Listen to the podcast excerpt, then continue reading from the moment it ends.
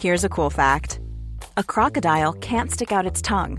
Another cool fact you can get short term health insurance for a month or just under a year in some states. United Healthcare short term insurance plans are designed for people who are between jobs, coming off their parents' plan, or turning a side hustle into a full time gig. Underwritten by Golden Rule Insurance Company, they offer flexible, budget friendly coverage with access to a nationwide network of doctors and hospitals. Get more cool facts about United Healthcare short term plans at uh1.com. Millions of people have lost weight with personalized plans from Noom, like Evan, who can't stand salads and still lost 50 pounds. Salads, generally, for most people, are the easy button, right? For me, that wasn't an option. I never really was a salad guy. That's just not who I am. But Noom worked for me. Get your personalized plan today at Noom.com. Real Noom user compensated to provide their story. In four weeks, the typical Noom user can expect to lose one to two pounds per week. Individual results may vary. Everyone knows therapy is great for solving problems, but getting therapy has its own problems too, like finding the right therapist, fitting into their schedule, and of course, the cost. Well, BetterHelp can solve those problems. It's totally online and built around your schedule. It's surprisingly affordable too. Connect with a credentialed therapist by phone, video, or online chat, all from the comfort of your home. Visit betterhelp.com to learn more and save 10% on your first month.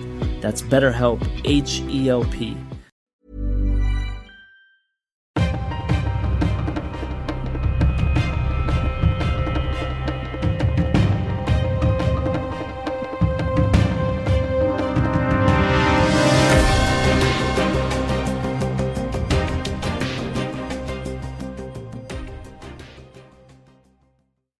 Så där, då säger vi än en gång hej och mycket varmt välkomna till ett nytt avsnitt av dagens Juridikpodden. Som vanligt med mig, William Eriksson och Stefan Wahlberg, men idag med en mycket speciell gäst. Ingen mindre än talman Andreas Norlén. Välkommen! Tack så mycket! Hur står det till? Tack bra! Det är en härlig dag. Vi har Kanadas talman här på officiellt besök i riksdagen. Roligt, viktigt, så att eh, det här är en bra dag. Det, det, första, vi sitter ju här eh, kan man säga på någon form av arbetsrum här i riksdagen. Ett rum man kanske känner igen från olika sammanhang, talmansrunder och sådär. Det första man tänker på är ju, var är kakorna? Alltså det här med kakor tycker jag är lite 2018. Eh, senast regeringsbildningen så bjöd jag ju faktiskt partiledarna på tomater, om ni möjligen noterade det. Eh, så att det här med kakorna kommer jag nog att få äta upp resten av livet. Men eh, jag tänker att man måste förnya sig. Jag ser inga tomater heller. Nej, det är ju inte riktigt säsong för det. Vi har ju, eh, jag tror vi har 97 olika sorter hemma som håller på att förodlas i fönster och bänkar hemma. Men eh, det är lite för tidigt. Vi har skördat lite grann ska jag säga. Eh, sådana som vi planterade redan i höstas.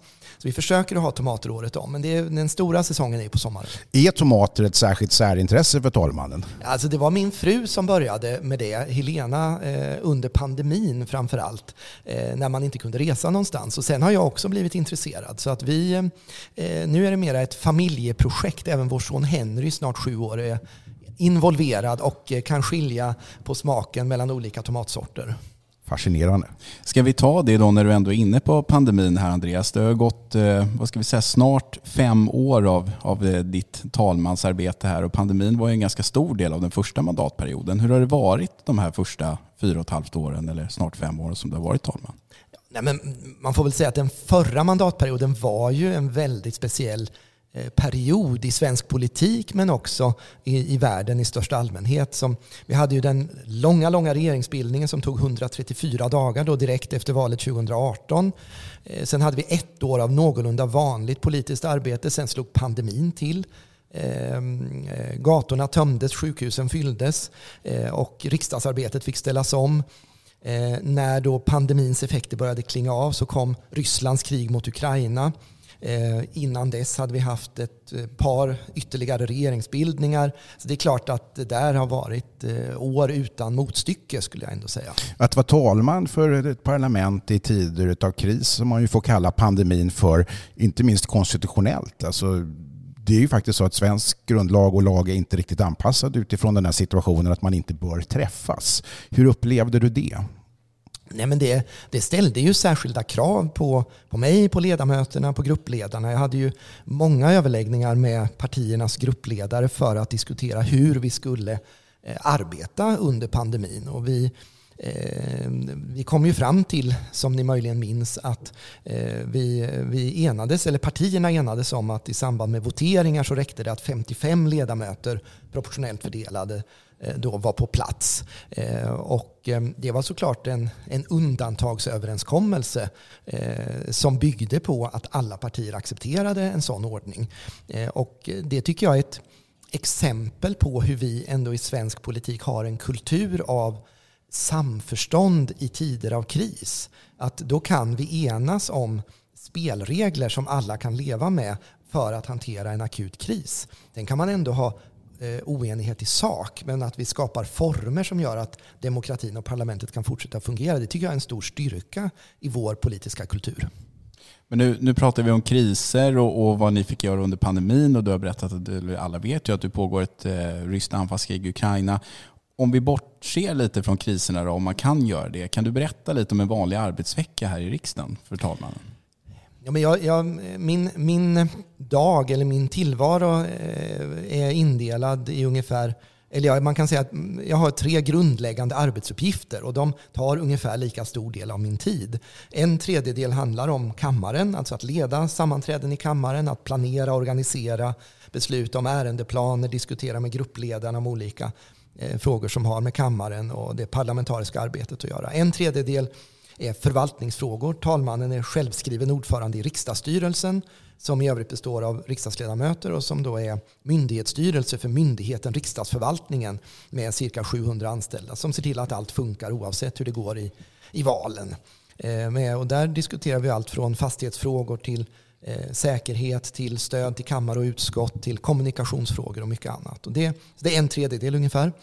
Och en tredjedel är att representera riksdagen och Sverige i olika sammanhang, inom riket och utom riket. Så det här att jag tar emot Kanadas talman idag till exempel är en sån sak. Vi har många internationella gäster. Jag reser också själv eh, ut på officiella besök. Jag ska till Tjeckien på officiellt besök senare i april till exempel. Så att, eh, och så reser jag också en del inom riket. Om jag, ursäkta om jag blir lite långrandig här då, men det, det går jättebra. En, ett projekt som vi driver just i år heter Riksdagen under 500 år.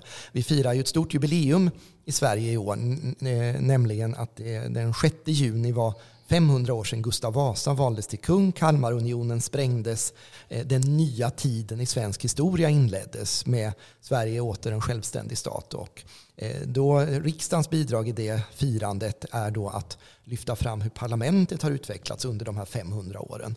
Eh, och eh, det gör vi med studiematerial som finns på webben för mellanstadiet, en affischutställning man kan ladda ner och en talmansturné där jag och de vice talmännen besöker ett antal städer där det har varit viktiga riksdagar under de här 500 åren för att prata om hur eh, eh, historien förstås, men också med det som utgångspunkt prata om hur vår demokrati mår idag och imorgon. När du nämner just ordet utgångspunkt så är det lite intressant utifrån ett, utifrån ett eh, perspektiv av riksdagens utveckling där man, inte minst med tanke på de val, riksdagsval där du själv har varit djupt involverad, kan skönja möjligtvis en, en, en, förändring i folks uppfattning kring relationer mellan riksdag och regering. Jag tror väldigt många människor idag eh, tror att regeringen faktiskt är överställd riksdagen och inte tvärtom som det egentligen är. Väldigt många människor har svårt att förstå att de val, allmänna val som vi ägnar oss åt i själva verket inte handlar om att välja regering och statsminister utan faktiskt våra riksdagsledamöter ser du det här som en, en, ett uppgift att, så att säga, förklara att riksdagen är folkets representanter som sätter ramarna för hur statsförvaltningen och regeringen ska, ska agera? Eller hur, hur, hur, tycker du, håller du med mig till att börja med om att det kan finnas en lite bristande kunskap kring de här frågorna och i så fall, hur tycker du att man ska rätta till det? Ehm, jag tror att många fler vet mer om hur vårt system fungerar efter den långa regeringsbildningen 2018 och det som därefter har följt än vad man möjligen visste tidigare. Eh, och ehm, det tycker jag var ett positivt utfall av eh, den här ganska komplicerade processen som vi såg då och även en del annan, andra, eh, annan turbulens som vi har sett senare. Att det har blivit tydligare att regeringsmakten vilar på riksdagens förtroende och att det sker ett samspel mellan regering och riksdag när det gäller att styra riket. Ehm, så att det tror jag som åskådningsexempel har varit väldigt bra. Och sen upplever jag att det ligger i min roll att berätta om hur riksdagen fungerar, hur vår demokrati fungerar, vad talmannens uppgift är. Och så att det, är en, det är en viktig del att eh, på det sättet förklara och eh, hur, hur allting hänger ihop. Och det har jag försökt då utifrån händelserna 2018-19 med det stora intresse som då fanns för riksdagen och regeringsbildningen att bygga vidare på, på Instagram och i andra sammanhang för att då berätta den här historien. Att du bildade någon form av ny konstitutionell praxis är uppenbart under de här regeringsbildningsmånaderna. Eh, kommer det leda till några konstitutionella förändringar i mer formell mening? Det är ju riktigt. Jag använde ju en del eh, metoder som inte tidigare talmän hade, hade gjort eftersom eh, vi inte tidigare hade haft en så här lång regeringsbildning och det krävdes att man eh, hanterade en, en ny situation. Jag uppfattar inte att det bland partierna finns någon, någon ambition att se över reglerna om regeringsbildningen utifrån de här erfarenheterna. Utan jag, jag resonerade med gruppledarna Eh, efter den långa regeringsbildningen och då var nog den allmänna meningen att man ska vara försiktig innan man ändrar grundlagarna och att en komplicerad regeringsbildning i sig inte är tillräckligt för att se över hela regelverket. Det har ju diskuterats frågan om inte minst talmannens roll och de problem som kan finnas med att avsätta en, en sittande talman. Och, och, är det här lämpligt nu? Nu arbetade du, som alla över hela partigränserna känner till, för, för att få ihop en, en, en regeringsbildning på, på rätt sätt. Men om man tänker sig att det satt en annan person där som inte hade samma goda avsikter så skulle man kunna ställa till rätt mycket elände som, som, som talman. Inte sant? Va? Är det här en lämplig funktion som, som har en lämplig reglering? Det är ju riktigt som du säger att talmannen inte kan avsättas när man väl är vald. Eh, och eh, jag tänker att det finns skäl för och emot den ordning som vi har.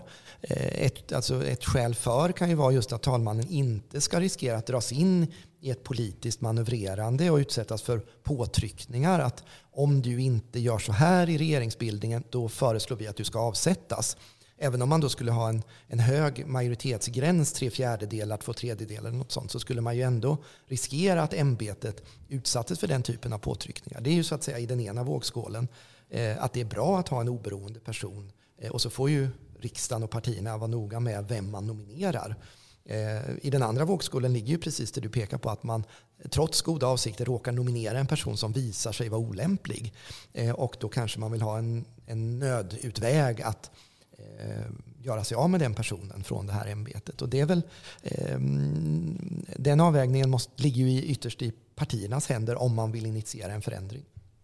Det är ju konstitutionella frågor det här och det för oss ju eh, onekligen in på din bakgrund som jurist. För den som inte vet det så är du ju juristdoktor och du har ju bland annat utsett till årets jurist av tidigare vinnare och Dagens Juridiks läsare för inte så många år sedan. Vad har du haft för nytta av de, dina juridiska kunskaper under de här regeringsbildningarna och så vidare? Ja, nej men det stämmer. Jag skrev en doktorsavhandling som heter Oskälighet och 36 paragrafen avtalslagen. En riktig kioskvältare. Eh, och, eh, ja, Nåja. Det är en kioskvältare om man är intresserad av oskälighetsrekvisitet i avtalslagen. Ja, det, det är sant. Och den, den har faktiskt tryckts flera gånger eftersom jag köpte de första hundra själv. Eh, så att, men men eh, har jag haft nytta av, av det? Ja, det tycker jag. Eh, därför att Ehm, eh, det gav mig, alltså den juridiska arbetsmetoden eh, Eh, har hjälpt mig att strukturera, eh, ja, om vi tar den långa regeringsbildningen, då, ett, ändå ett komplicerat eh, scenario eller liksom ett, en komplicerad situation och försöka bena ut frågeställningar och, och viktiga omständigheter och kanske sortera bort annat som, som ändå är mindre viktigt. Och så. så det, jag, jag, tycker det är ett bra sätt att sortera ett, ett komplext material på. Eh, sen har det såklart, för att vara Alltså jag har ju tidigare varit riksdagsledamot i ganska många år och nu som talman så möter man ju hela tiden lagstiftning, lagförslag. Riksdagen är ju den lagstiftande församlingen och då är det klart att jag har tyckt att det har varit en, en fördel att ha en vana sedan tidigare att arbeta med den typen av material. Men med det sagt förstås, man kan vara en strålande riksdagsledamot eller talman utan en juridisk bakgrund. Utan då finns det ju då kan man ju ha andra styrkor och fördelar istället. Är det mer eller mindre juridik som talman jämfört med när du var riksdagsledamot? Det är en annan typ av juridik. För som, som ledamot så är man ju eh, lagstiftare. Eh, och eh, bereder lagförslag i sitt, eh, sina respektive, sitt respektive utskott. Så det är klart, då, då sitter man ju med paragraferna och hanterar dem och ska eh, vara för eller emot dem i, i en omröstning och så. Talmannen röstar ju inte och deltar ju inte i det politiska riksdagsarbetet. Däremot så arbetar jag ju då i min vardag med framförallt riksdagsordningen som ju reglerar hur, hur arbetet bedrivs här. Så att då eh, är ju det en ständig följeslagare. Och sen ledde jag också en utredning 2019 års riksdagsöversyn där vi arbetade igenom en del bestämmelser om riksdagsarbetet. Så då var det ju mer konkret också att utarbeta lagförslag som sen bereddes av KU. Hur, hur, upplever du som jurist, både i din nuvarande roll som talman men inte minst under dina år som, i konstitutionsutskottet och som, som ledamot, att beredningsarbetet rent politiskt, eh, hur förhåller sig det till grundläggande juridik och, och, och, grundsatser? Ser du på det, kan det krocka till och med, ser du på det på ett annat sätt än, än många ledamöter som kanske inte har din bakgrund? Jag vet inte, det är svårt för mig att eh, göra mig till tolk och bedöma vad, and, vad ledamöter kan och inte kan. Jag vet inte om du tänker på den här diskussionen om i vilken mån man uppfyller beredningskrav och så som diskuteras ibland? Eller? Bland annat, jag tänker på sånt. Och kan det ibland, nu pratar jag rent generellt utan att, att ta sikte på några specifika eh, omröstningar, men kan det ibland som, som jurist eh, svida till om, om, om, man vet att det här är något som till exempel lagrådet på goda grunder har avstyrkt men ändå kommer upp till omröstning och så vidare?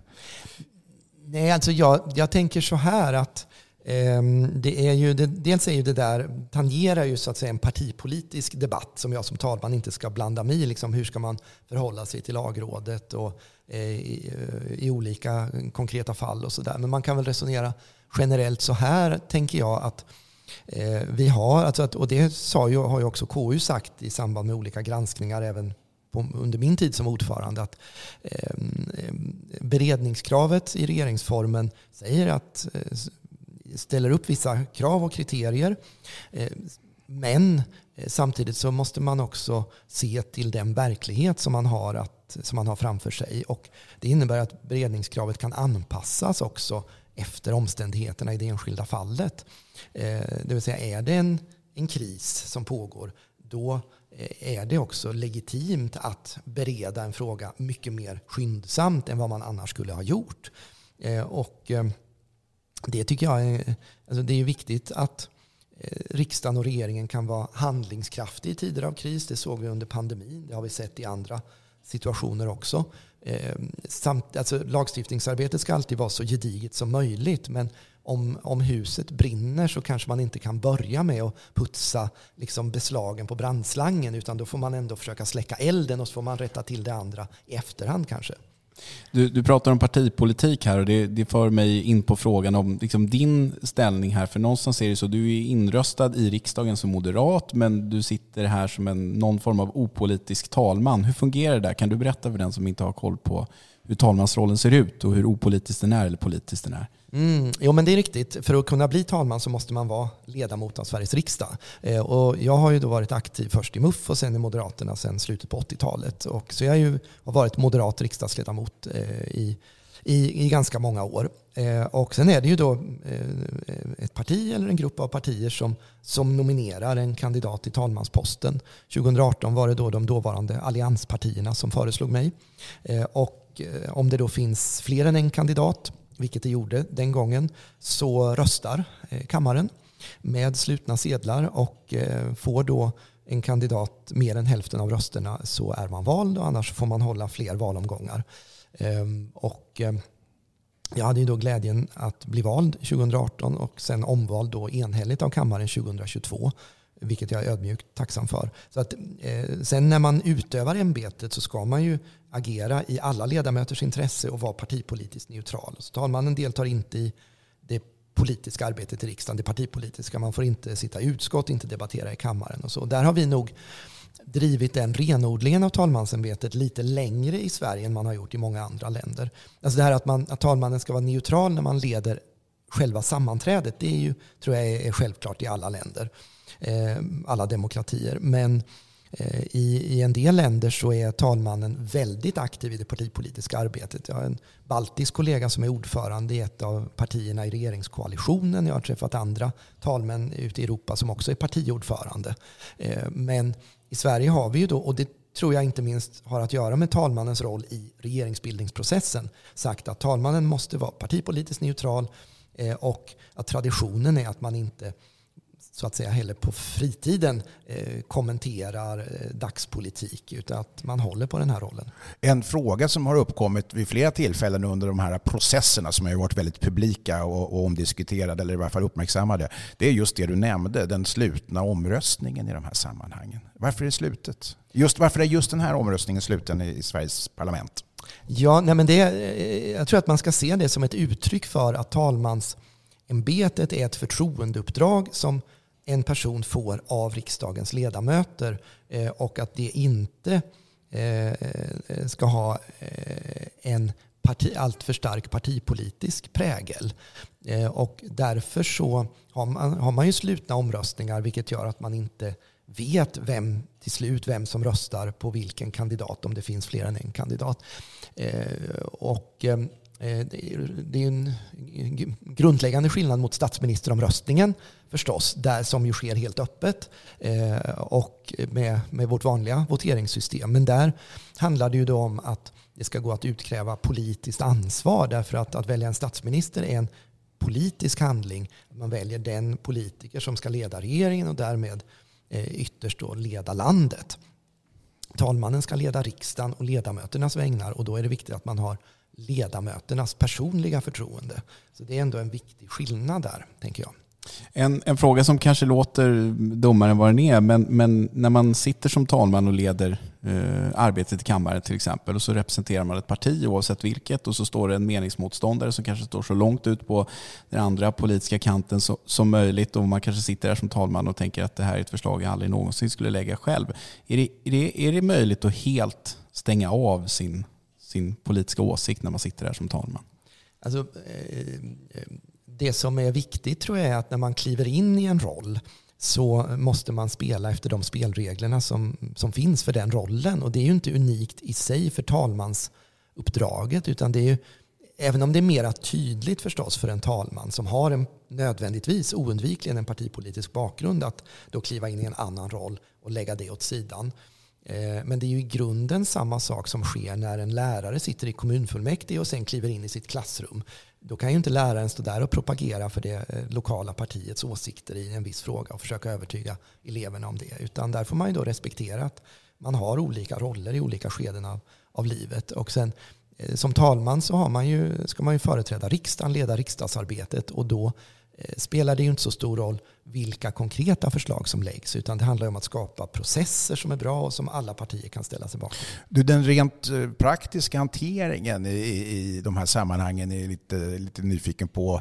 Hur ser dina och ditt kanslis kontakter ut med regeringen och, och statsministerns kansli, alltså statsrådsberedningen till exempel? Eh, ja, dels så sker det ju eh, kontakter löpande på tjänstemannanivå mellan i första hand då det som vi kallar för kammarkansliet som då är eh, det är de tjänstemän som stöder kammaren och med regeringskansliet. Och det kan vara statsrådsberedningen, det kan vara andra departement för att det är ju hela tiden ett flöde av dokument propositioner, skriftliga frågor, interpellationer fram och tillbaka som måste fungera på, en, på ett vardagligt sätt. Det handlar om att planera in eh, statsråden som ska eh, svara på interpellationer muntligt i kammaren vid olika tidpunkter som ska delta i olika debatter. Så det är hela tiden en löpande kontakt. Sen har jag också Eh, framförallt kontakt med statsministerns statssekreterare. Det hade jag förra perioden när det var en S-märkt statsminister och det har jag nu när det är en moderat statsminister. Just för att stämma av olika frågor som, eh, som handlar om relationen mellan regering och riksdag och så att samarbetet fungerar smidigt helt enkelt. Finns det någon form av vattentäta skott? Är det så att ni kanske är informerade om att nu kommer det komma en propp som är, kräver sin, sin eh, till exempel publika hantering eller sådär? Eller är, är det lite grann som när man jobbar i domstol att oj, det kommer plötsligt in en, en man har ingen kontakt med, med parterna innan de har så att säga, inkommit med sina inlagor om du förstår vad jag menar och jämförelsen tillåts? Ja, Alltså exakt, jag tänker jag ska kanske inte eh, gå in eh, exakt på vad vi avhandlar i de här kontakterna för att det är, ju, eh, det är ju många olika frågor i smått och stort. Men det är en tät kontakt och ett pågående utbyte just för att det är ju ett liksom det måste vara en fungerande arbetsrelation mellan regeringen och riksdagen därför att vi är vi deltar i samma processer och då gäller det att det här funkar smidigt. Men kan ni få någon form av underhandsinformation i olika sammanhang trots allt till riksdagen att nu kommer regeringen snart att göra det här och det här och komma med den här och den här propositionen till exempel? Som sagt, eh, orakelsvaret är väl att vi har hela tiden löpande kontakter om alla tänkbara frågor. Ja, jag får respektera det svaret. Ja. Eh, och nu tror jag att jag skulle behöva göra den här korta pausen då. Ja, det går så bra. Eh, så att eh, vi ska se om Anna-Lena är här.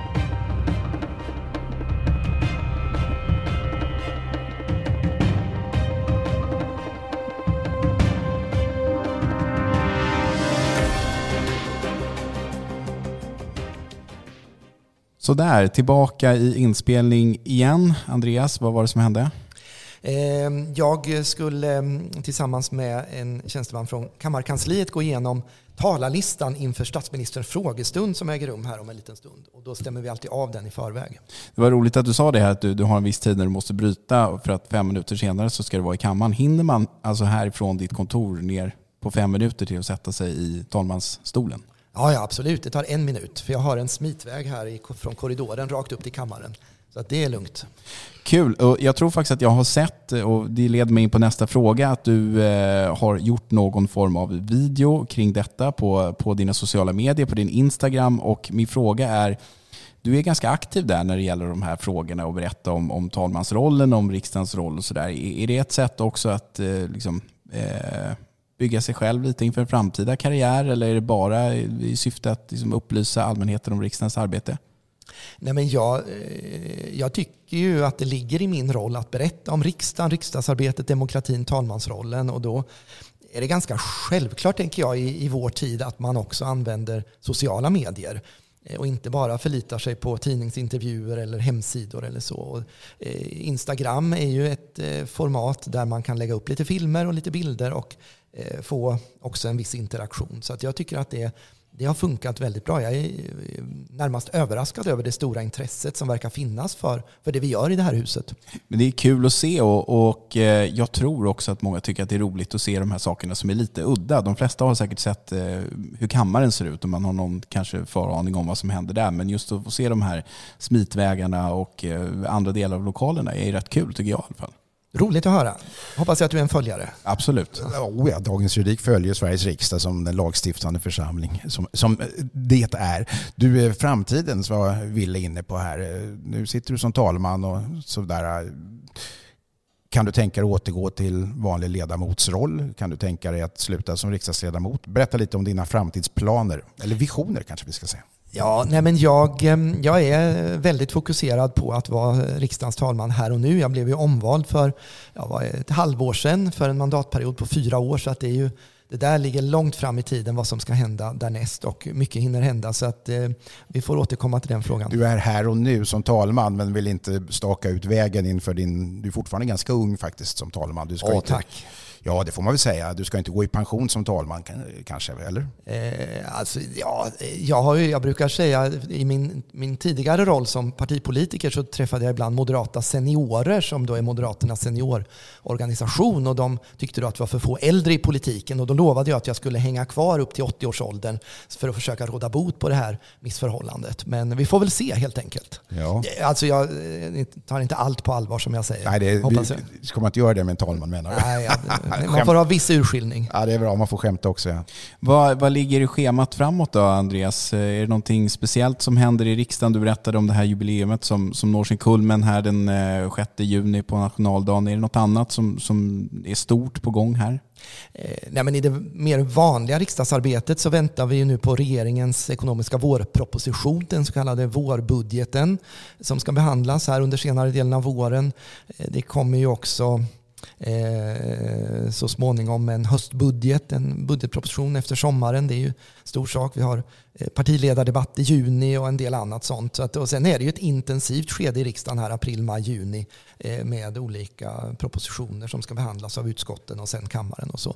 Eh, för egen del så ska jag på EU-talmanskonferens i Prag eh, som jag var inne på och eh, kombinerat med ett officiellt besök i Prag. Jag ska även åka till Tyskland på officiellt besök lite senare och så. Så det, det händer saker hela tiden. Det internationella planet, ser man på talmannen och talmannens roll på ett annat sätt utomlands än jämfört med hur man ser på den i Sverige. För eh, till stora delar får man ju säga att den har varit fram till ditt inträde i, i, i talmansrollen ganska anonym faktiskt. Ja, exakt hur det förhåller sig med den saken utomlands vågar jag inte säga. Jag var ju inne på det att i, i en del länder så är ju talmannen en högt profilerad partipolitiker, partiledare eller något sånt.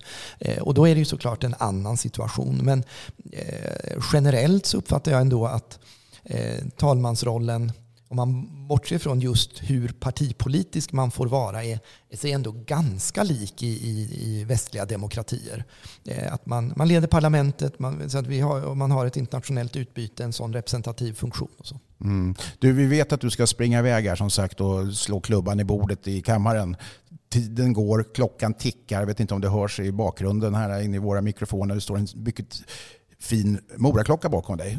Den lär ha någon viss historia. Berätta. Ja, precis. Jag tror att eh, klockmakaren där skulle bli lite förorättad om du kallar den för Moraklocka. Jag ber om ursäkt för detta.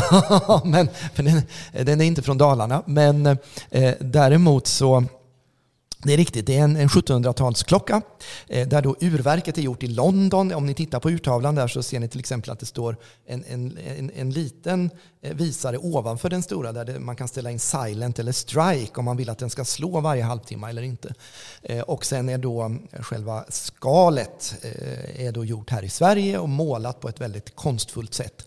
Eh, den klockan lämnades som pant till Riksbanken för en, ett lån till en medlem av kungahuset redan så vitt jag förstår på 1700-talet. Riksbanken är ju riksdagens bank i motsats till hur det är i de flesta andra länder där regeringen styr centralbanken. Eh, och det här lånet blev aldrig betalt så banken behöll klockan.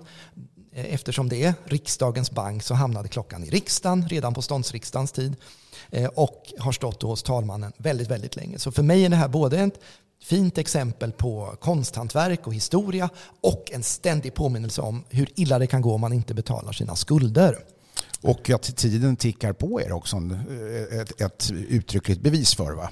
Det är det verkligen. Och med det så säger vi stort tack Andreas Norlén, Sveriges talman, för att du kunde tänka dig att ställa upp i Dagens Juridikpodden. Och om jag inte är felinformerad så börjar det närma sig en viss dag här den 6 maj, så vi, vi passar på att säga grattis på 50-årsdagen i förskott. Oh, men tackar för det bakhållet. Jag sa ju att du är ung. det är riktigt. Så att, eh, apropå att klockan tickar och sådär. Det har ju funnits många skäl i närtid att reflektera över detta. Men jag tar det med jämnmod. Stort tack. Ha det så bra. Hej. Tack.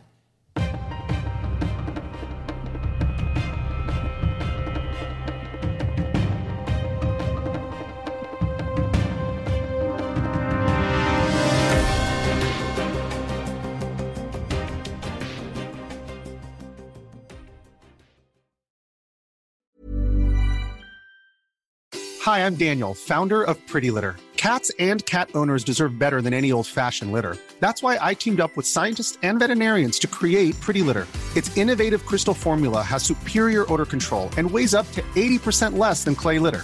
Pretty Litter even monitors health by changing colors to help detect early signs of potential illness. It's the world's smartest kitty litter. Go to prettylitter.com and use code ACAST for 20% off your first order and a free cat toy. Terms and conditions apply. See site for details.